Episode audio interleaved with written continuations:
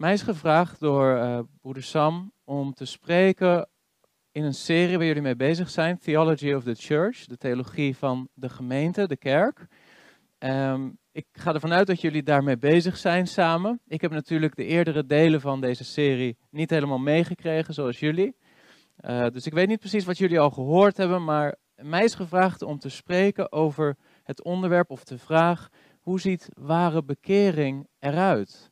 En eigenlijk is het zo dat uh, broeder Sam mij vroeg om te spreken over biblical conversion. En het lastige van het woord conversion in het Engels is, als je het naar Nederlands vertaalt, dan ja, wordt het zoiets als bekering. Alleen in het Engels is er ook een ander woord voor bekering, dat is repentance. En conversion is eigenlijk een breder begrip in het Engels, in, in ook theologie in hè, de Verenigde Staten en Engels sprekende landen, dan puur repentance. Conversion betekent eigenlijk iemand komt tot het christelijk geloof. dus conversion bevat zowel het aspect van je bekeren als geloven, wat in de Bijbel vaak als twee opdrachten neergezet wordt. Bekeer je en geloof. Alle twee die begrippen zitten in die term conversion. Maar als ik vandaag het ga hebben over bekering, moet je dus niet denken dat ik het alleen maar heb over dat eerste stuk, die eerste stap. Het gaat ook over geloof. Het gaat om het hele proces van conversie, van het je wegkeren van het oude leven en je keren tot de Heer Jezus Christus in geloof. Vandaag wil ik met jullie nadenken over hoe ziet het er nou hoe ziet het eruit wanneer iemand tot Christus komt? Wat zijn nou kenmerken van een ware bekering. En hoe kom je binnen in het koninkrijk van onze Heer Jezus Christus, het koninkrijk der hemelen, het koninkrijk van God. En we gaan vandaag kijken naar twee gelijkenissen die de Heer Jezus heeft gegeven over het koninkrijk. Gelijkenissen die we vinden in Matthäus hoofdstuk 13. Laten we daar samen ook bij gaan staan en dan zullen we onze tekst lezen samen. En daarna zullen we ook bidden voor deze boodschap. Wij lezen Matthäus hoofdstuk 13, vanaf vers 44 tot en met vers 46. Matthäus 13 vanaf vers 44 tot en met vers 46. Ik lees vanuit de herziene statenvertaling. Het koninkrijk der hemelen is ook gelijk aan een schat, in de akker verborgen, die iemand vond en verborg.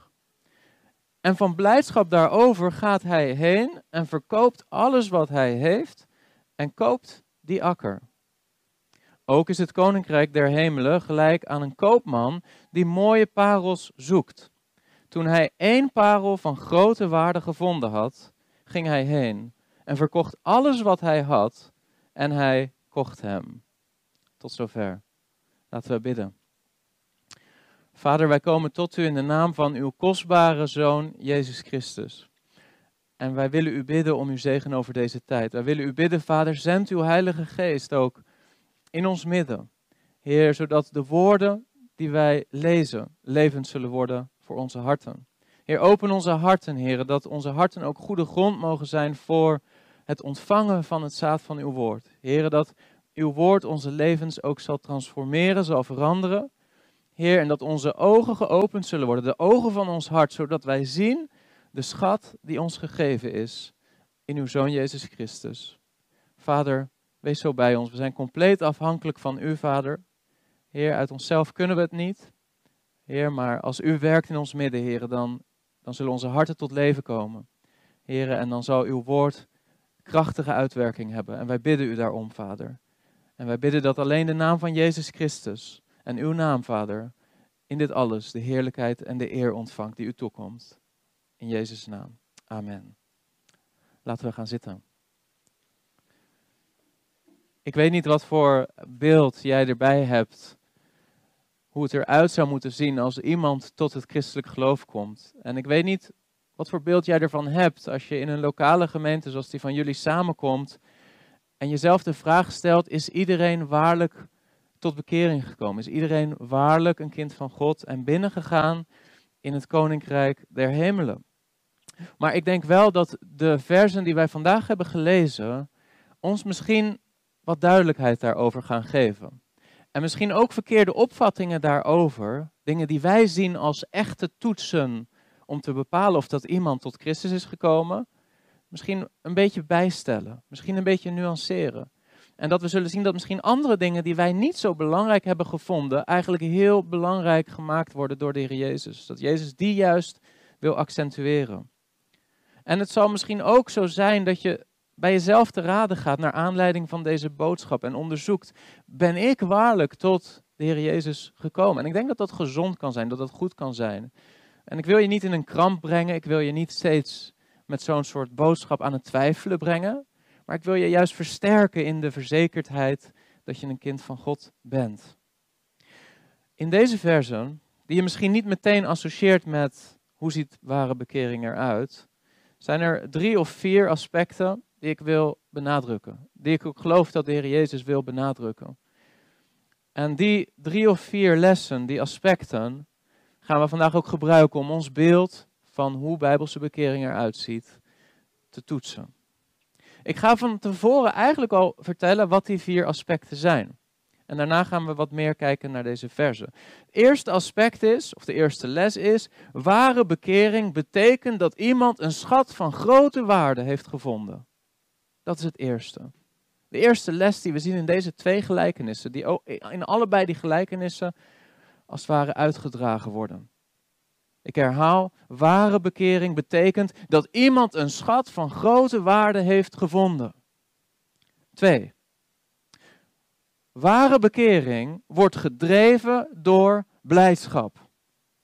Ware bekering wordt gedreven, wordt als het ware gemotiveerd door blijdschap, door vreugde. Derde les. Ware bekering betekent alles verkopen om die gevonden schat te verkrijgen, om die te kopen. En tot slot, ware bekering kan plaatsvinden in zoekers, maar ook in niet-zoekers.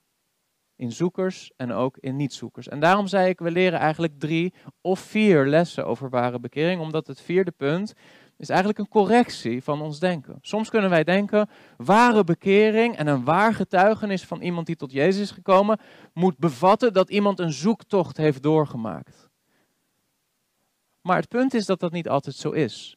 Mensen die totaal niet op zoek waren naar de Heer Jezus of naar God of naar waarheid, kunnen desondanks tot een punt komen van ware bekering zonder dat ze een zoektocht hebben afgelegd. Maar andersom zijn er ook mensen die een zoektocht hebben afgelegd. En dat is in deze twee beelden iets wat we gaan leren. Maar voordat we naar die vier lessen gaan kijken, wil ik jullie een inleiding geven op onze tekst. En ik denk dat dat ook nodig is. We kunnen nooit zomaar een tekst als het ware gaan bestuderen zonder het eerst te hebben over de bredere context. En we werken dan van die bredere context steeds nauwer naar wat zegt nou eigenlijk precies deze tekst. Nou, de context begint natuurlijk in de vraag wat is het Matthäus-evangelie? Wat, wat is het doel van Matthäus in het schrijven van dit evangelie? Nou, natuurlijk is het zo dat het Matthäus-evangelie, zoals alle vierde evangelieën die we hebben in het Nieuw Testament, tot doel heeft om ons te vertellen wie Jezus is en wat het evangelie is. En toch zien we dat Matthäus, Marcus, Lucas en Johannes andere accenten leggen in de manier waarop ze dat doen. Matthäus staat erom bekend dat Matthäus de focus legt op de komst van het koninkrijk van God. Er is in het Oude Testament bij het volk Israël door de profeten een verwachting neergelegd. En dat is de verwachting dat er een Messias gaat komen, dat er een koning gaat komen, dat er een zoon van David gaat komen en dat die zoon van David op zijn troon zal plaatsnemen. Hij is de koning der koningen. Hij is de koning die zal komen, wiens koninkrijk niet voorbij zal gaan, maar die eeuwig zal heersen. En dat is iets waar het Matthäus-evangelie van begin tot einde de nadruk op legt. Je leest in het Matthäus-evangelie, als je oplet, steeds opnieuw over het koninkrijk van God. Het koninkrijk der hemelen. Eén tekst uit het Oude Testament die Matthäus zeker in zijn achterhoofd had bij het schrijven van zijn evangelie, vinden we in Daniel hoofdstuk 7. Daniel hoofdstuk 7, vers 13 en 14. Daar lezen we dat Daniel dit zegt. Ik keek toe in de nachtvisioenen en zie, er kwam met de wolken van de hemel iemand als een mensenzoon, als een zoon des mensen. Hij kwam tot de oude van dagen Dat wil zeggen de Vader, God de Vader. En men deed hem voor zijn aangezicht naderbij komen. Hem werd gegeven heerschappij, eer en koningschap. En alle volken, natie en talen moesten hem vereren. Zijn heerschappij is een eeuwige heerschappij die hem niet ontnomen zal worden. En zijn koningschap zal niet te gronden gaan. Dat is een profetie die het volk Israël al honderden jaren voor de komst van onze Heer Jezus had ontvangen. En je kunt je voorstellen dat het volk Israël, wanneer zij deze woorden lazen van de profeet Daniel, een bepaalde verwachting had. Er gaat een tijd komen dat er een mensenzoon komt. Een mensenzoon. En hij zal komen met de wolken van de hemel, lezen we in Daniel hoofdstuk 7. En hij zal als het ware in de hemel binnengaan tot die oude vandaag. En hij zal verschijnen voor zijn vader. En dan zal hem heerschappij, eer en koningschap gegeven worden. En zijn heerschappij een eeuwige heerschappij.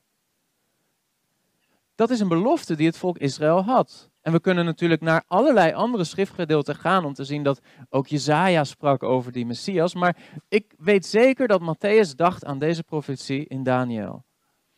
En dat Matthäus wilde laten zien, ook in zijn evangelie, deze Jezus is de vervulling van deze profetie van Daniel.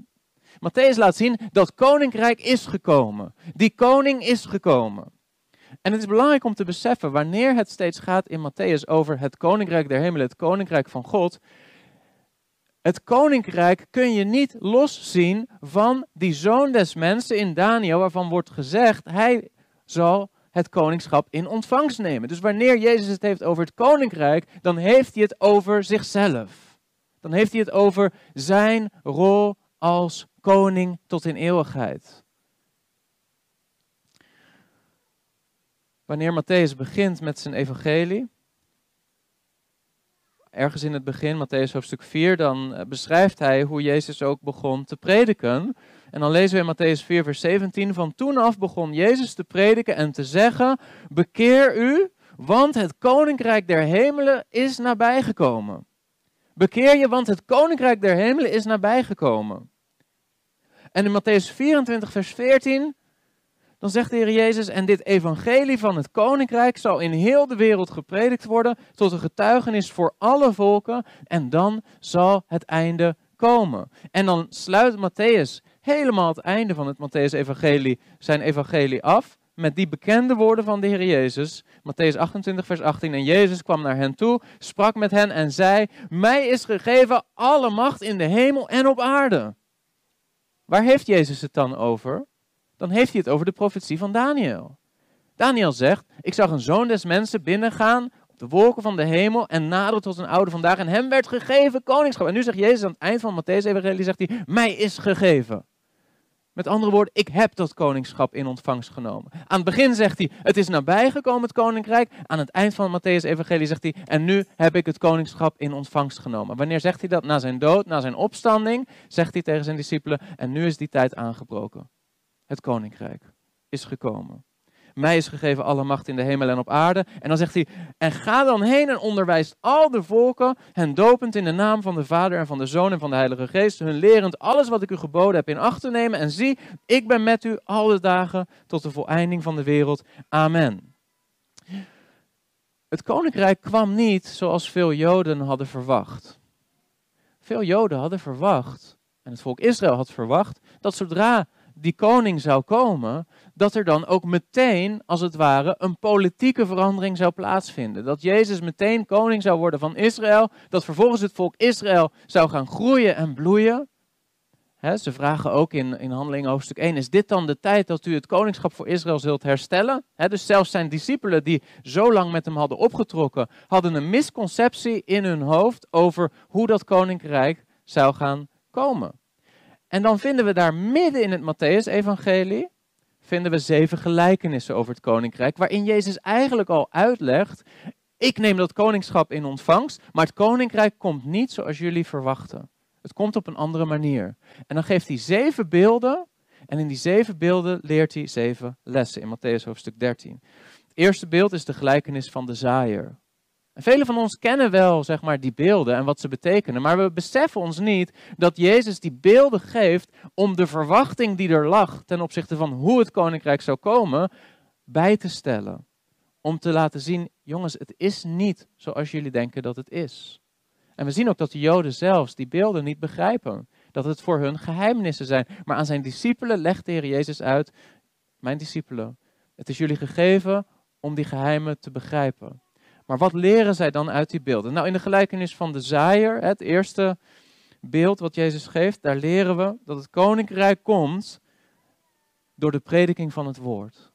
Dat is wat we leren. Het koninkrijk komt niet doordat er een soort catastrofale oorlog plaatsvindt en de Messias zijn heerschappij in bezit neemt. Nee, het koninkrijk komt door de prediking van het woord. Dat hadden de Joden niet verwacht, dat het zo zou komen. Maar het komt door de prediking van het woord. En door hoe mensen op dat woord zullen reageren. Zullen ze dat woord ontvangen, dan zal dat woord in hun hart blijven en dan zal dat woord vervolgens menigvuldigen. Dan zal dat vrucht dragen en dan zal het koninkrijk groeien. Maar er zullen ook mensen zijn die het woord zullen verwerpen. En dat laat Jezus zien in de gelijkenis van de zaaier. Het tweede beeld is de gelijkenis van het onkruid tussen de tarwe. En daarmee zegt Jezus, het koninkrijk heeft tot het einde van de wereld toe te maken met ongelovigen in de wereld. Niet alleen in de wereld, maar ook in, als het ware, de omgrenzing van dat koninkrijk. Ga je ontdekken, er is tarwe en er is onkruid. En Jezus voorspelt het en zegt, dat weet ik. Dat gaat zo zijn. Er zullen tot het einde van de wereld toe struikelblokken zijn in het koninkrijk en wettelozen in de wereld. Het koninkrijk zal in de wereld zijn, maar het zal niet alleen in de wereld zijn. Er zal altijd een zekere frictie zijn, weerstand zijn. Dat is het tweede beeld. Het derde beeld is het gelijkenis, de gelijkenis van het mosterdzaad. Een heel klein zaadje. En daarmee zegt Jezus, het koninkrijk begint heel erg klein. Het begint heel klein. Joden, jullie verwachten dat het in één keer in volle glorie gaat komen, maar dat is niet hoe het komt. Ja, ik neem mijn heerschappij in ontvangst. Ja, ik ben koning der koningen tot in eeuwigheid. Ja, het koninkrijk is gekomen. Maar het gaat niet direct in zijn volle omvang zichtbaar worden. Nee, het begint als een mosterdzaad en het groeit geleidelijk van klein naar groot. Het vierde beeld is de gelijkenis van het zuurdeeg.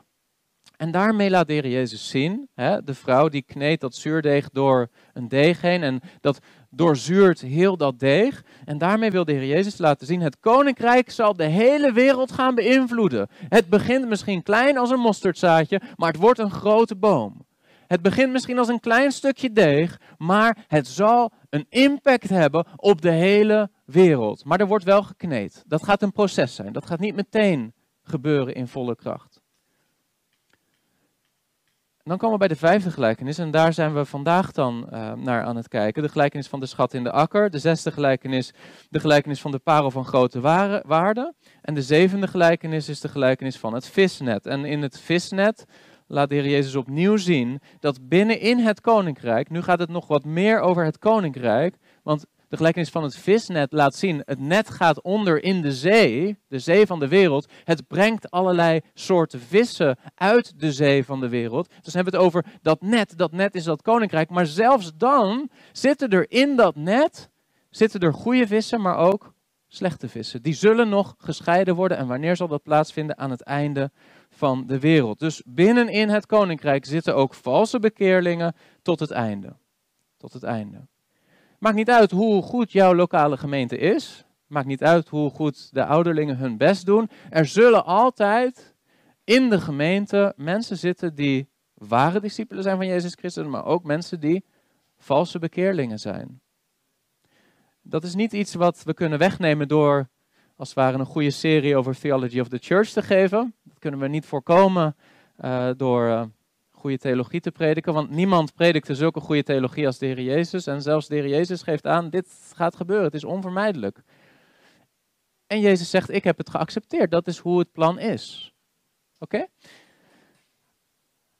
Wat is nu zo opvallend van onze tekst van vandaag, van de vijfde en de zesde gelijkenis, de schat in de akker en de parel van grote waarde? En dat is het volgende. Alle andere vijf gelijkenissen gaan over het koninkrijk van God als collectief. Over als het ware de beschrijving van hoe het koninkrijk van God in zijn geheel functioneert. Hoe het van klein naar groot gaat, hoe het groeit. Wat voor impact het zal hebben. Maar gelijkenis 5 en 6 gaan over het individu. Hoe komt iemand binnen in het koninkrijk? Hoe ziet het eruit als een persoon binnenkomt in de gemeente van onze Heer Jezus Christus?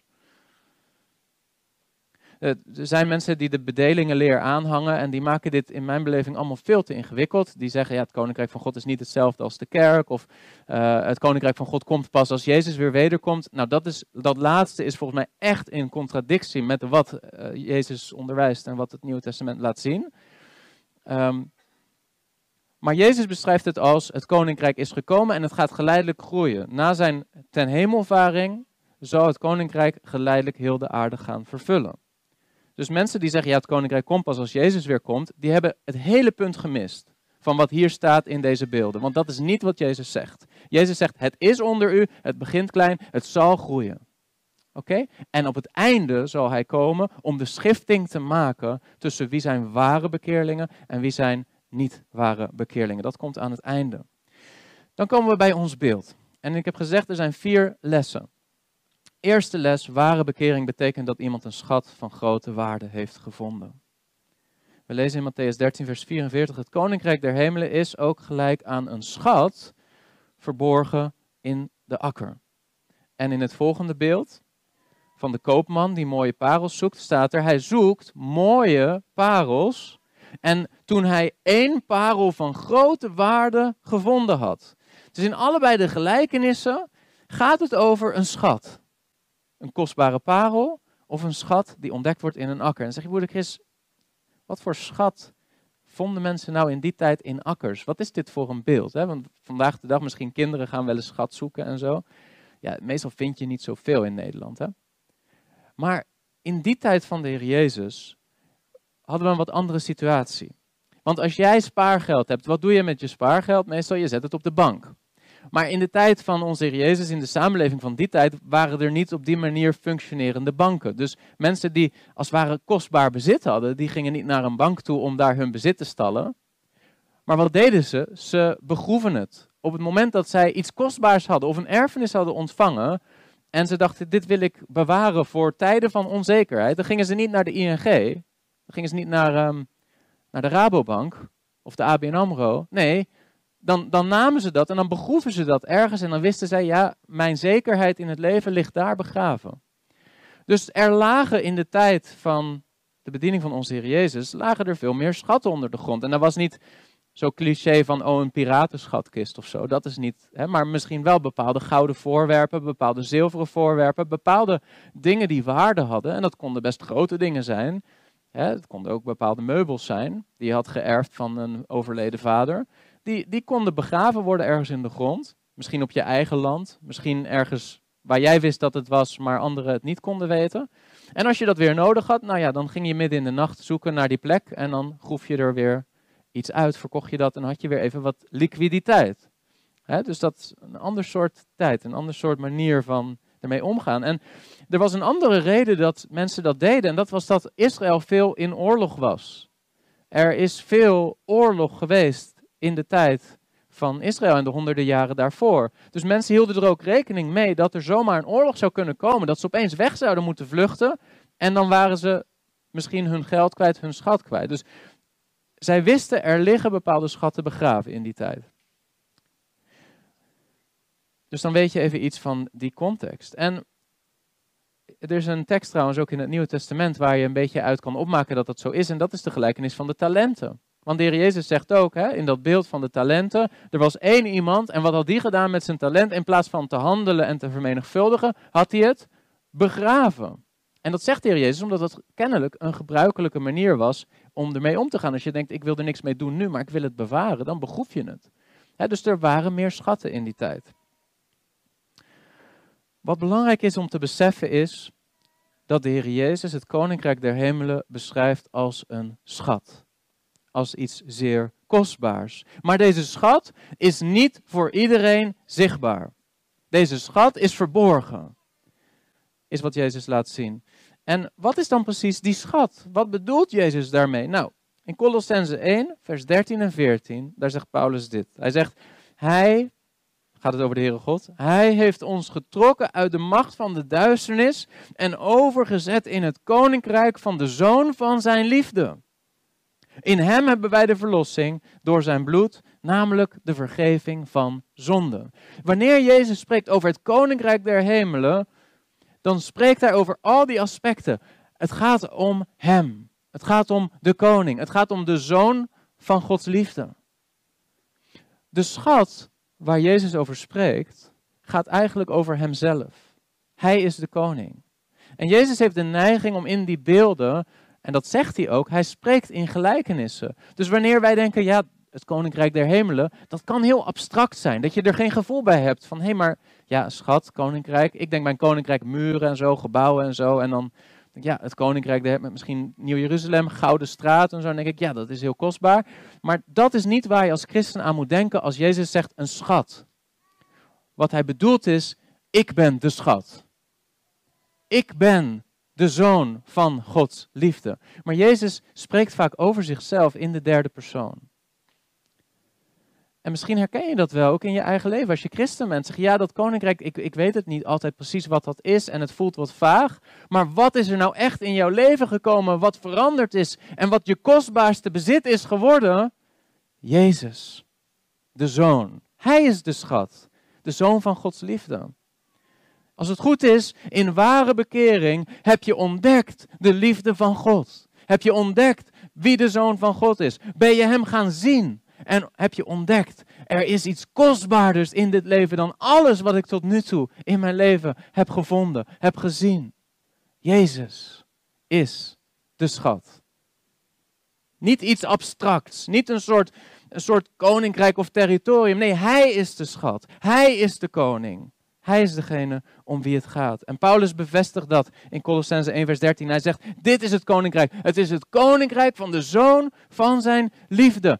Broeder Chris, er is een punt gekomen in mijn leven dat ik de liefde van God voor mij ontdekt heb. En dat is mijn grootste schat geworden, broeder Chris. Ik heb een liefde gevonden die ik nooit eerder heb gezien. En dat is mijn schat. Jezus is mijn schat. Hij is voor mij gestorven. Ik hoop dat je een beetje een beeld krijgt bij die schat die we ontdekken in ons leven wanneer we waarlijk tot bekering komen. En dan zegt Paulus achteraan, in hem hebben we de verlossing. De verlossing is de schat. Redding die God geeft. Door zijn bloed. Zijn bloed is de schat. Wat hij gegeven heeft. Tot vergeving voor onze zonden. Want Paulus zegt er achteraan, namelijk de vergeving van de zonde. De vergeving van de zonde is de schat. Samenvattend, de schat is Jezus in al zijn aspecten. Hij is de schat. Paulus zegt er achteraan, wanneer hij ook spreekt in Colossense over de Heer Jezus. Hij zegt, Colossense 2 vers 2. Hij zegt om het geheimenis te leren kennen van God en van de Vader en van Christus, in wie al de schatten, zelfde woord in het Grieks, al de schatten van de wijsheid en van de kennis, en dan zegt hij achteraan, verborgen zijn. Verborgen zijn.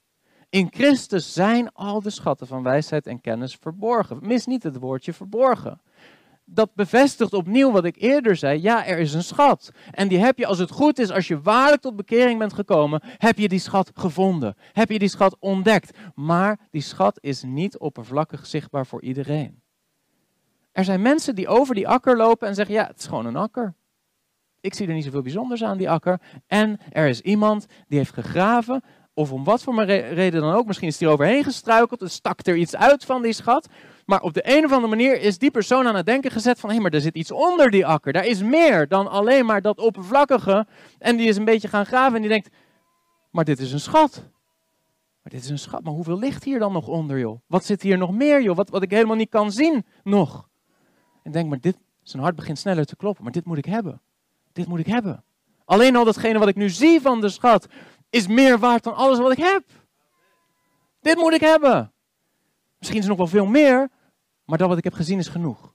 Het is meer dan wat ik tot nu toe in mijn leven heb gehad. Johannes zegt het ook. Hij zegt in 1 Johannes 5, vers 12: Wie de zoon heeft, heeft het leven. En wie de zoon van God niet heeft, heeft het leven niet. Hij is de schat. Hij is degene waar het allemaal om gaat in het christelijk geloof. Hij is de koning van het koninkrijk. Bij hem horen betekent binnengaan in het koninkrijk. Paulus benadrukt dat idee dat het evangelie niet voor iedereen oppervlakkig zichtbaar is. Hij zegt in 1 Korinthe hoofdstuk 1, vers 23, wij echter prediken Christus, de gekruisigde, voor de Joden een struikelblok, voor de Grieken een dwaasheid. Zij zegt, wij, wij hebben het over die akker, maar niet iedereen ziet wat daar begraven zit in die akker. Niet iedereen heeft het door. Zegt, maar voor hen die geroepen zijn, zowel Joden als Grieken, de geroepenen, Zowel Joden als Grieken prediken wij Christus, de kracht van God en de wijsheid van God. En dan zegt hij later in 1 Korinthe 2 vers 14, maar de natuurlijke mens neemt de dingen van de geest van God niet aan, want ze zijn dwaasheid voor hem. En hij kan ze ook niet leren kennen, omdat ze geestelijk beoordeeld worden. Wat wil dat zeggen?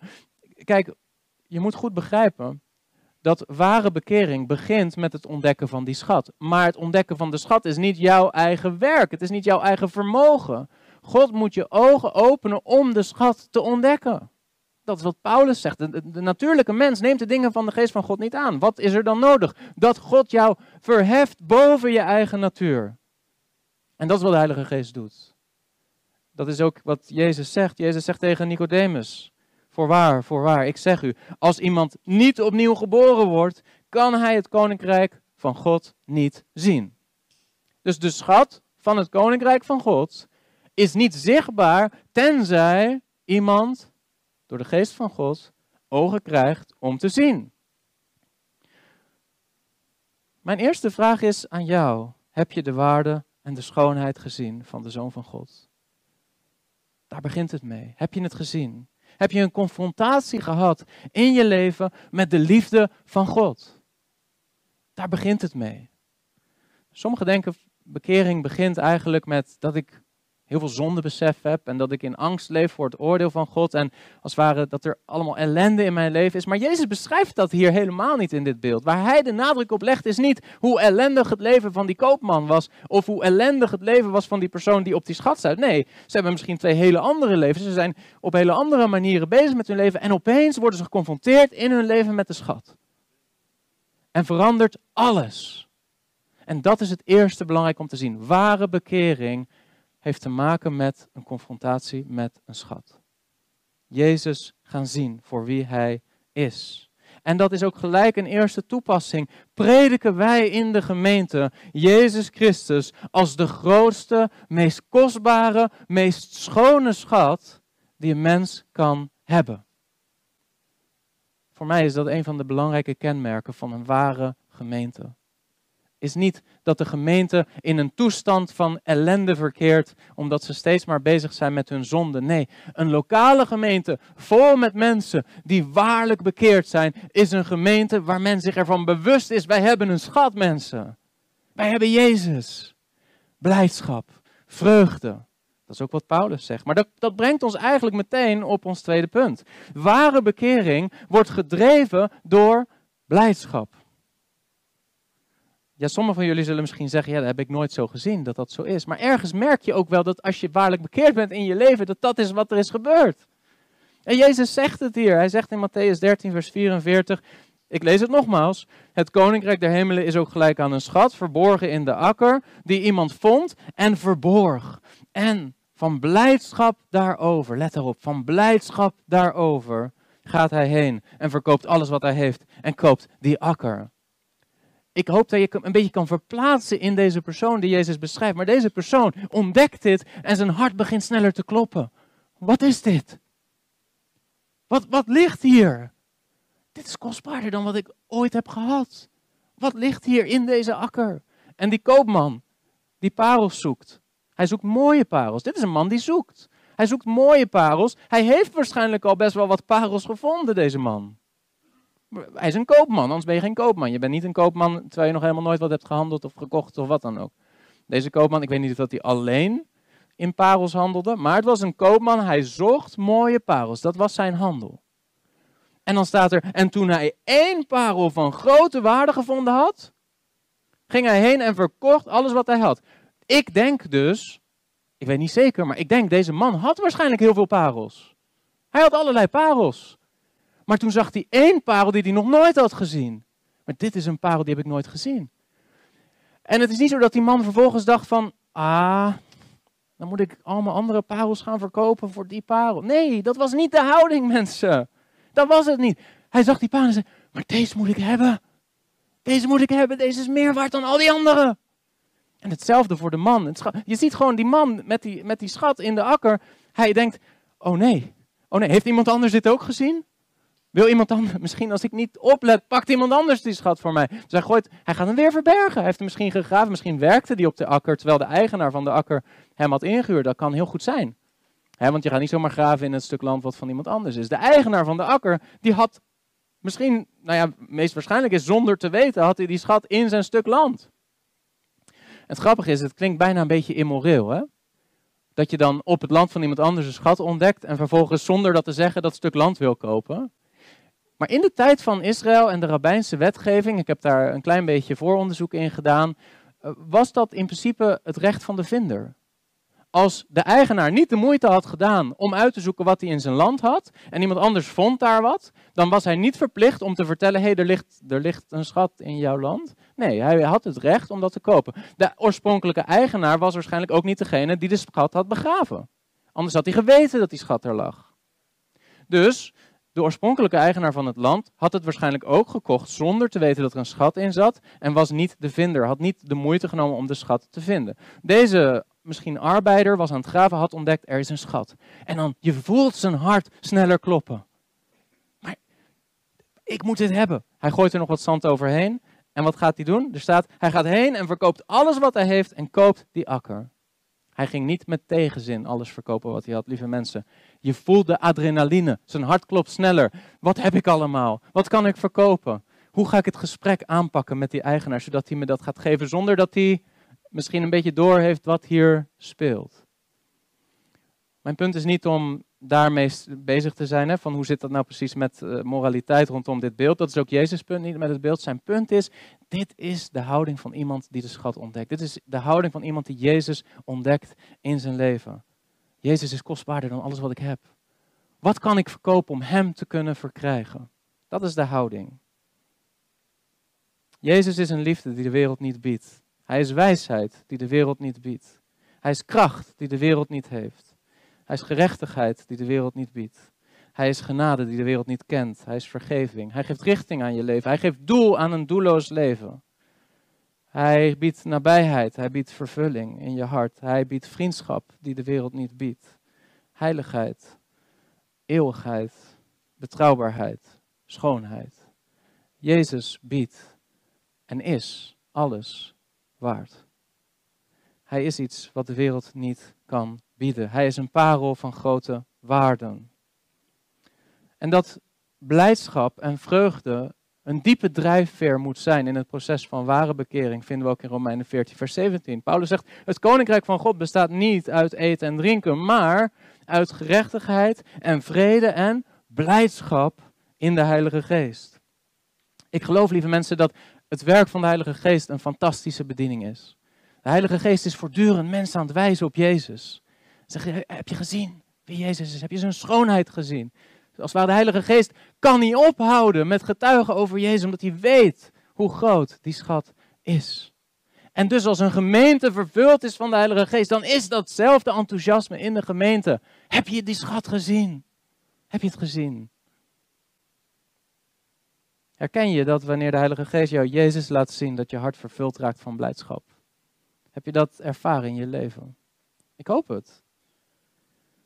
Lucas 24, vers 32, wanneer Jezus spreekt met twee van zijn discipelen na zijn opstanding. Ze weten helemaal niet dat het Jezus is, maar dan hebben ze als het ware een bijbelstudie gehad van de Heer Jezus terwijl ze daar liepen. Ze herkenden hem niet. En dan achteraf zeggen ze, was ons hart niet brandend in ons toen hij onderweg tot ons sprak en voor ons de schriften opende?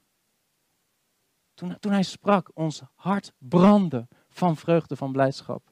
Ware bekering wordt gedreven door blijdschap. Er is een mooie hymne of een, een, een lied in het Engels, volgens mij is het geschreven door Jim Reeves. En de tekst zegt dit: I'd rather have Jesus than silver or gold. I'd rather be his than have riches untold. I'd rather have Jesus than houses or land. Yes, I'd rather be led by his nail-pierced hands. Ik heb liever Jezus dan zilver of goud. Er zijn heel veel liederen geschreven met dat idee. We hebben vandaag ook iets gezongen. Jezus, alles geef ik u wat ik ben en heb en wat ik ooit zal zijn. Maar het idee begint niet bij, oh wat ellendig dat ik dat moet opgeven voor Jezus. Nee, het idee begint bij, wat mag ik opgeven om Hem te winnen? Dat is ware bekering. Is je hart vervuld geraakt van de schoonheid van Jezus? Dat is de tweede les. De derde les, en dan komen we bij een volgend element, ware bekering betekent alles verkopen om die schat te kopen. Maar wanneer ik het daarover heb, moet je niet vergeten wat de motivatie daarvan is. Kijk, er zijn heel veel legalistische kerken waar ze steeds zeggen, ja, als je Jezus wil volgen, moet je alles opgeven. En dan wordt het bijna beschreven als een bittere ellende om Jezus te volgen. Want ik moet, moet mijn auto verkopen, moet mijn huis verkopen, ik heb geen zekerheid meer, kan niet meer voor mijn kinderen zorgen. Hè? Maar dat is niet wat Jezus bedoelt.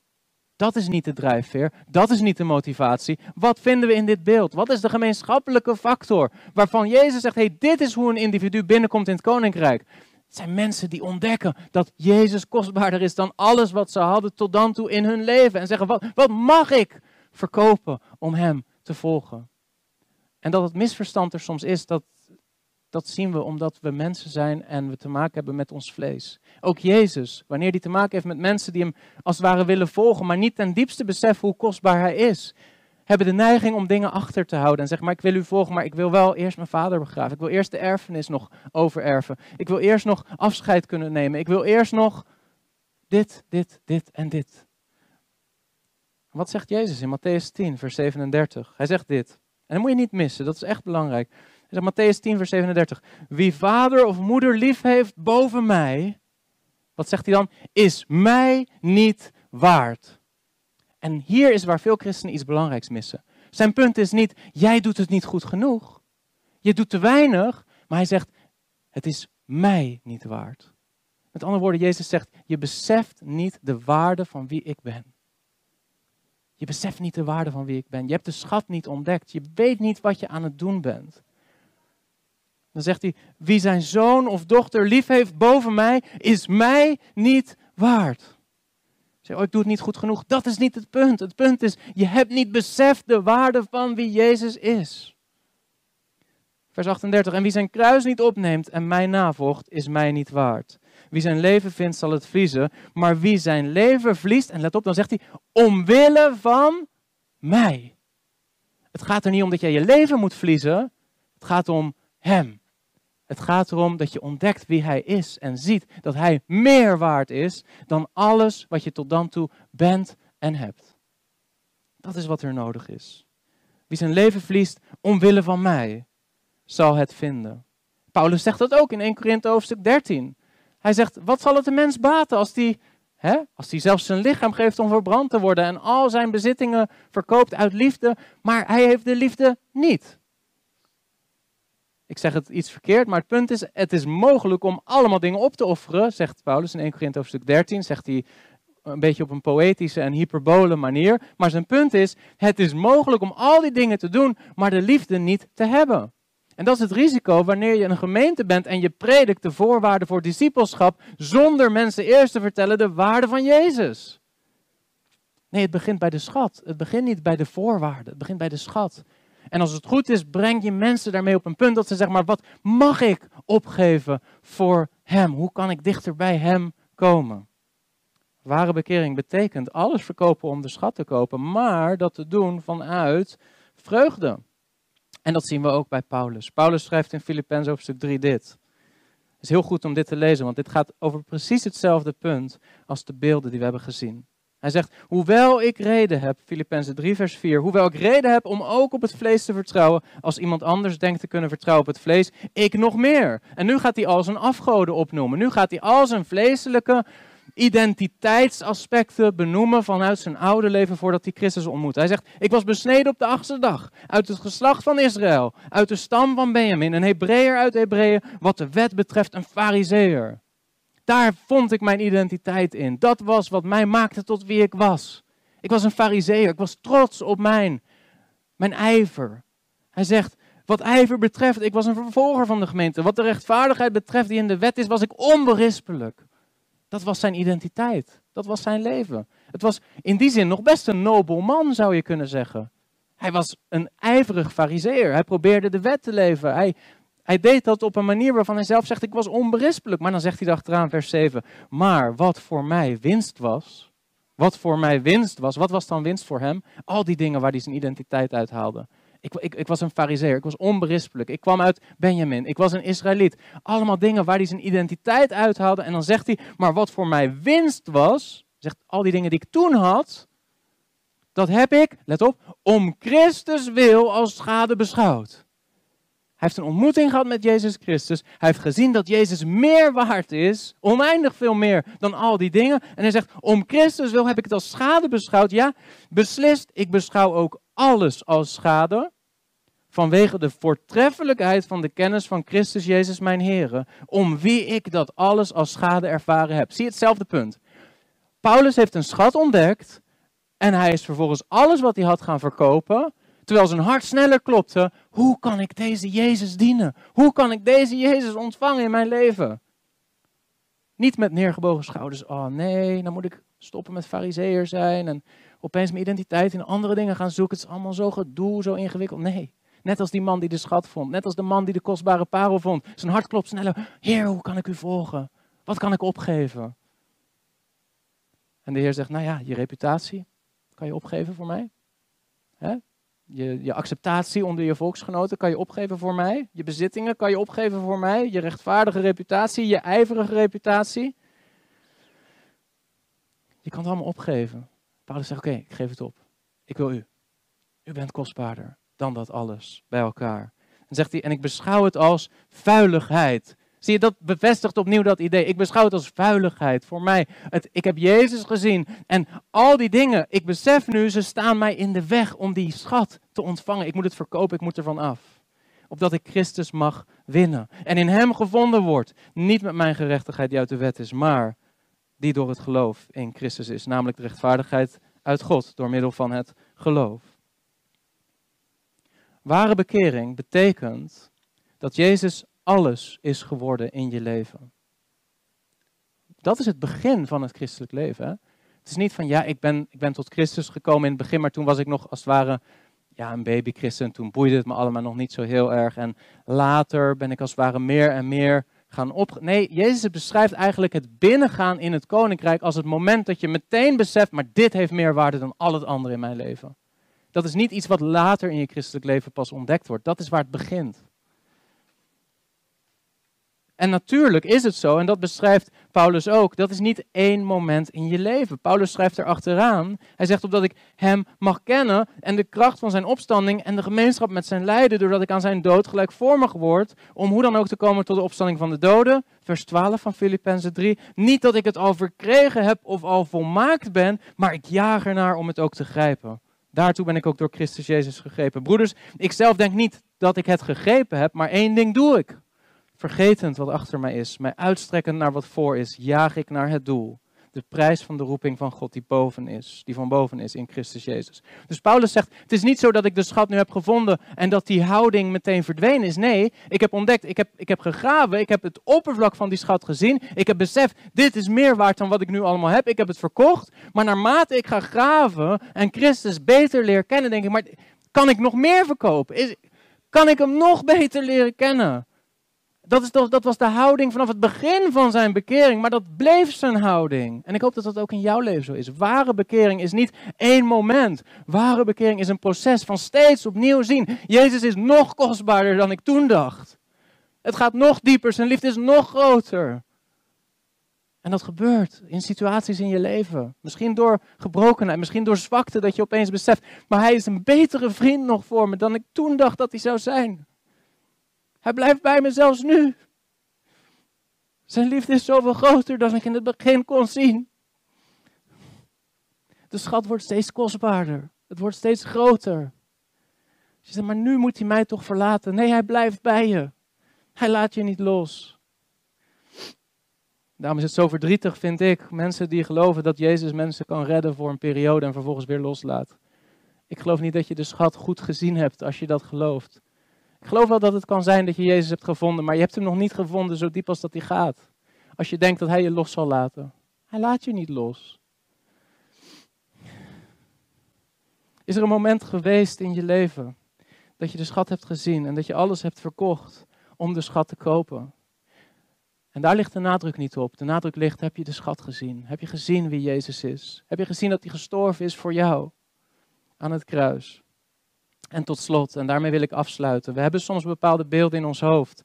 Van als iemand tot Jezus komt, moet het er zo uitzien. Iemand moet een zoektocht hebben afgelegd, als het ware. Hij moet het gezocht hebben in Hindoeïsme of Boeddhisme. En, en misschien katholicisme of iets anders. En vervolgens in de wereld. En is allemaal leeg gebleven. Vaak heb je dat soort getuigenissen, toch? Ja, ik was in de wereld. En ik, ik zocht het in feesten, ik zocht het in alcohol. Maar het vervulde me niet. En toen ontmoette ik Jezus. En dan hoor je iemand echt een zoektocht beschrijven naar iets wat betekenis geeft, naar iets wat waarde geeft. En dat kan er zijn, dat is die koopman. Dat is die koopman die zoekt parels. Die weet, ik zoek iets, maar ik heb het nog niet gevonden. En dan kan je denken, wanneer dat niet jouw verhaal is, kennelijk is mijn getuigenis anders dan hoe het zou moeten zijn. Ik heb niet die zoektocht doorgemaakt. Nee, bij mij was het meer zoals die koopman die struikelt, of niet de koopman, de, de, de man die in de akker werkt en struikelt en per toeval als het ware zou je denken, die schat ontdekt en opeens, terwijl hij er niet naar op zoek was, geconfronteerd wordt met Jezus. En weet je, de realiteit is, je vindt allebei die verhalen. In de gemeente, maar ook in de Bijbel. Je vindt mensen die niet op zoek waren naar Jezus en hem ontmoeten. Denk aan de Samaritaanse vrouw of de vrouw bij de put. Ze was niet op zoek naar Jezus. Ze komt hem tegen en plots verandert haar hele leven. Maar je hebt ook verhalen zoals de Ethiopiër die in het boekje Zaja aan het zoeken is. Aan het zoeken is naar de waarheid in de Joodse geschriften. En dan komt God en zegt: Hé, hey, dit is het. Maar besef wel, mensen, als jij zo'n zoektocht hebt afgelegd, is het omdat God al begon te werken in je hart. Van nature zoekt niemand God. Maar op het moment dat je die zoektocht hebt afgelegd, dan is het de Heilige Geest die jou aan het voorbereiden is om geconfronteerd te worden met die schat. Wij kunnen samenvattend niet een formule maken voor ware bekering. Maar wat we wel kunnen constateren is, Jezus zegt, Iemand moet de schat ontdekt hebben. En de taak van de gemeente is om de schat te prediken. Om Jezus te prediken als het meest kostbare wat je kunt hebben. Charles Spurgeon, ik denk dat jullie allemaal zijn getuigenis wel kennen, maar Charles Spurgeon, een van de dienstknechten van onze Heer Jezus, die zeer veel vrucht heeft gedragen door zijn prediking. Maar zijn bekering verliep eigenlijk zoals de bekering van iemand die niet zocht. Hij beschrijft dat op een nieuwjaarsdag, hij was 15 jaar oud, het was heel erg koud en hij wilde naar zijn kerk toe om gewoon bij de nieuwjaarsdienst aanwezig te zijn. En terwijl het ontzettend koud is, het sneeuwt, komt hij niet verder dan een klein kerkje, een methodistenkerk. En hij schuilt daar voor het weer. En er zou daar die ochtend iemand anders hebben moeten spreken. Gewoon een gastpredikant was het volgens mij, een goede predikant. Maar die was verhinderd door het weer, kon niet komen. En dus sprak daar gewoon een van de ouderlingen. En dat was een groepje mensen van ongeveer 15 mensen, heel klein, veel kleiner dan deze kerk nog. En Spurgeon komt daar en hij beschrijft, de man die predikte was, was niet intelligent. In het Engels staat er, the man was really stupid. Een hele ja, onintelligente, simpele man die daar aan het prediken was. Had ook natuurlijk waarschijnlijk niks voorbereid, of in elk geval niet een preek, want had niet verwacht dat hij moest spreken. En de tekst die die man predikte was Jezaja 45, vers 22. En er staat in het, in het Nederlands, wend u tot mij, word behouden, alle einden der aarde, want ik ben God en niemand anders. Dat was zijn tekst. In het Engels, look unto me, and be ye saved, all the ends of the earth. En de man had geen boodschap, dus hij bleef maar dat herhalen, die tekst. Hij was gewoon de tekst eigenlijk steeds opnieuw aan het opzeggen. Wend u tot mij. Kijk naar mij en word behouden. Alle einden der aarde. En hij bleef dat maar herhalen, herhalen, herhalen. En dan komt Spurgeon binnen. In eerste instantie, 15-jarige jongen. En hij denkt, ja, dit is niet zo'n goede preek als die ik normaal hoor in mijn kerk. En Spurgeon beschreef zichzelf gewoon als een religieus iemand. Hij was niet op zoek naar meer religie. Hij vond het wel prima. Gewoon af en toe naar de kerk gaan. Maar hij hoort die man. En die man die ziet op een gegeven moment Spurgeon. Niet zo moeilijk als er opeens een 15-jarige jongen zit in een groep van 15 mensen die je nooit hebt gezien. En hij zei tegen Spurgeon: Jonge man, je ziet er ellendig uit. En je zult ellendig zijn in het leven en ellendig zijn in de dood als je niet mijn tekst gehoorzaamt. Jonge man, en hij begint te roepen: Jonge man, kijk op Jezus. Kijk, kijk, kijk. Blijft het zeggen tegen Spurgeon: Jonge man, kijk naar Jezus. Kijk naar Jezus. Kijk naar Jezus. Hij zegt, kijk naar de schat, Spurgeon. Kijk naar de schat. En dan staat er: En ik keek, zei Spurgeon. En op dat moment was de wolk weg. En de duisternis rolde weg uit mijn leven. En op dat moment zag ik de zoon. Dat is het moment dat Spurgeon tot bekering kwam. Dat is het moment dat alles veranderde. Een simpele man, een simpele tekst, een simpele boodschap. Maar op dat moment ontdekte hij de schat. En toen begon Spurgeon te kijken, wat, wat kan ik verkopen om dit te hebben? En de man heeft meer vrucht gedragen met zijn prediking dan velen van ons, denk ik, ons kunnen voorstellen. Maar ware bekering begint met het ontdekken van de schat. En ik wil er iets achteraan zetten. Jezus, wanneer hij zegt het is een schat verborgen in een akker, is het goed om te beseffen dat dat ook geldt voor de gemeente. De lokale gemeente is zo'n akker. De lokale gemeente is in heel veel opzichten onopvallend voor mensen, onindrukwekkend. Mensen kunnen hier binnenkomen en denken, ja, wat is dit voor kneusjesclub? Om het maar even simpel te zeggen. Het kan zijn dat mensen ja, wat is dit nou joh? Weinig opvallend hè. Een beamer, af en toe doet hij het niet. Hè? Ja, er zijn genoeg concerten die een stuk professioneler worden gegeven dan deze diensten, toch? En dat geldt net zo goed bij ons in de kerk. Het is een onopvallende akker. Maar er zijn een aantal die komen binnen en die zeggen, maar wacht eventjes. Wacht even, maar er zit iets in jullie lokale gemeente. Ik wil dat hebben wat daarin zit bij jullie. Ik wil Jezus. En weet je wat zo erg is? Jullie hebben die akker, maar jullie weten het niet eens. Soms. We zijn soms in de gemeente net als die man die de akker heeft en de schat erin. Die het zelf niet doorheeft. En zonder dat je het weet, verkoop je het voor een prijs die veel te laag ligt. De lokale gemeente is het lichaam van Jezus Christus. De lokale gemeente is het koninkrijk van God. En Jezus weet dat het niet voor iedereen oppervlakkig zichtbaar is. Maar geef je leven voor de lokale gemeente en je zult zien, er zit een diepe schat in de lokale gemeente verborgen. Het is Jezus. Hij is in de lokale gemeente, het is zijn lichaam. Laten we samen bidden. Vader, we danken u voor deze lessen die we mogen leren uit deze tekst, heren. We danken u, Heer Jezus, dat u een schat bent die al het andere te boven gaat, heren. Of dat het nu relaties zijn met bepaalde familieleden, of dat het nu ons werk is, onze reputatie, de dingen waar we onze identiteit in zoeken, onze bezittingen. Heren, u bent een schat die kostbaarder is dan al het andere. U bent een parel die onvergelijkbaar mooi en waardevol is. Heren, en wij willen u bidden Heren, dat u onze ogen opent om die waarde te zien. Heer, en ik weet dat mijn broeders en zusters hier, vele van hen, een getuigenis hebben. Dat er een moment is gekomen in hun leven dat zij gezien hebben wie u bent, Heer Jezus. Heer, en ik wil u bidden dat ze zich daarin mogen verblijden. Dat ze opnieuw die vreugde, als het mogen ervaren in de Heilige Geest over wie u bent, Heer Jezus. Ook als er misschien daarna teleurstellende ervaringen zijn gekomen in het leven die er ook zullen zijn. Heer, maar dat we steeds opnieuw ons mogen verblijden in de schat die we hebben gevonden. Heer, dat ons oog daarop mag zijn. Heer, ik wil u bidden dat deze boodschap niet een ongezonde worsteling zal geven in de levens van broeders of zusters die misschien minder emotioneel zijn of minder snel, als het ware die vreugde op dezelfde manier voelen. Maar ik wil u bidden dat deze boodschap tot uitwerking mag hebben, heren, dat, dat we verzekerd mogen zijn van onze redding. Heren, en als er misschien mensen zijn die nog niet de schat hebben ontdekt, dan bid ik u door het werk van uw Heilige Geest, heren, dat zij ook de schat mogen ontdekken, dat zij mogen zien wie Jezus is. Dat Jezus de koning der koningen is. Dat Hij zo vol is van heerlijkheid en glorie. En tegelijkertijd aan het hout van het kruis heeft gehangen voor onze zonde uit liefde. Er is niemand zoals u, Heer Jezus. En wij zullen ellendig zijn in ons leven totdat we u hebben gezien.